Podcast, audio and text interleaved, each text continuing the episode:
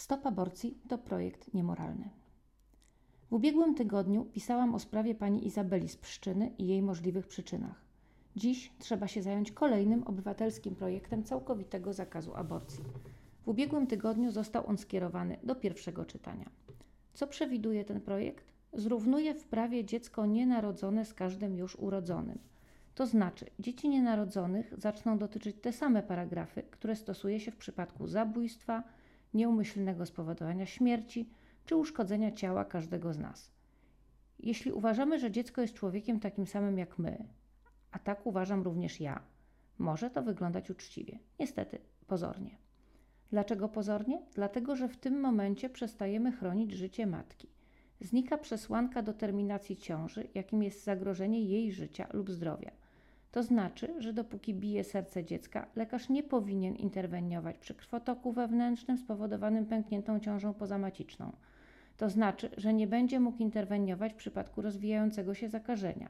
No, chyba że sfałszuje dokumentację. Ale kto zaryzykuje więzienie? Na tym jednak nie koniec. Chciałabym w tym momencie przypomnieć postać świętej Joanny Beretty Molla. Paweł VI powiedział o niej, że to matka z diecezji mediolańskiej, która, aby dać życie swojej córce, poświęciła się przez świadomą ofiarę własnego życia.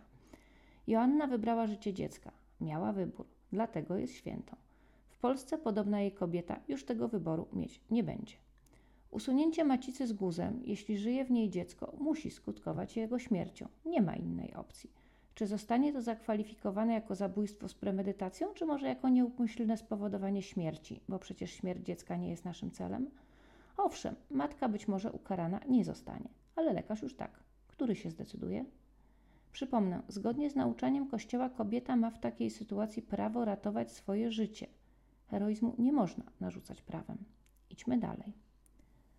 Kilka lat temu dość intensywnie przypominano, że u ciężarnej możliwe jest leczenie onkologiczne – można przeprowadzić operację, można po pierwszym trymestrze zastosować chemioterapię.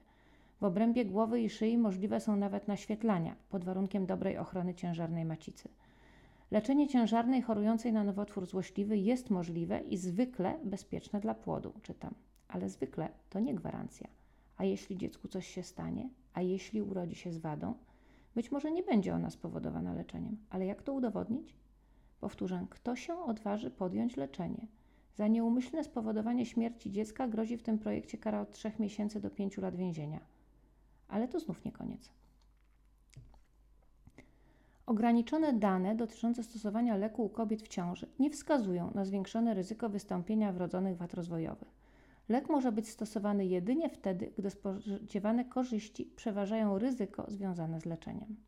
To standardowa formułka, występująca w przypadku wielu preparatów powszechnie stosowanych u ciężarnych linii licznych dopuszczalnych antybiotyków, leków na nadciśnienie. Nie ma wystarczających badań, bo nikt badań na kobietach w ciąży nie prowadzi. Są badania na zwierzętach. Tak, to formułka chroniąca producenta, przypominająca o ostrożności. Wydaje się, że leki są bezpieczne, a bywają konieczne. Tylko co, jeśli dziecko urodzi się z wadą i komuś przyjdzie do głowy, że to skutek zastosowanego leku? Nawet jeśli to nieprawda, udowodnisz, że nie? W jaki sposób? Mam za każdym razem żądać od kobiety wpisu, że poinformowana o ryzyku dla płodu chodzi, prosi o leczenie nadciśnienia, a jak się nie zdecyduje? I czy w ogóle wolno jej podjąć taką decyzję? W bezmyślnej pogoni za zasadami ktoś zaproponował prawo absolutnie niemoralne, zagrażające życiu kobiet. Trzeba to powiedzieć głośno i powinni to zrobić przede wszystkim ludzie Kościoła.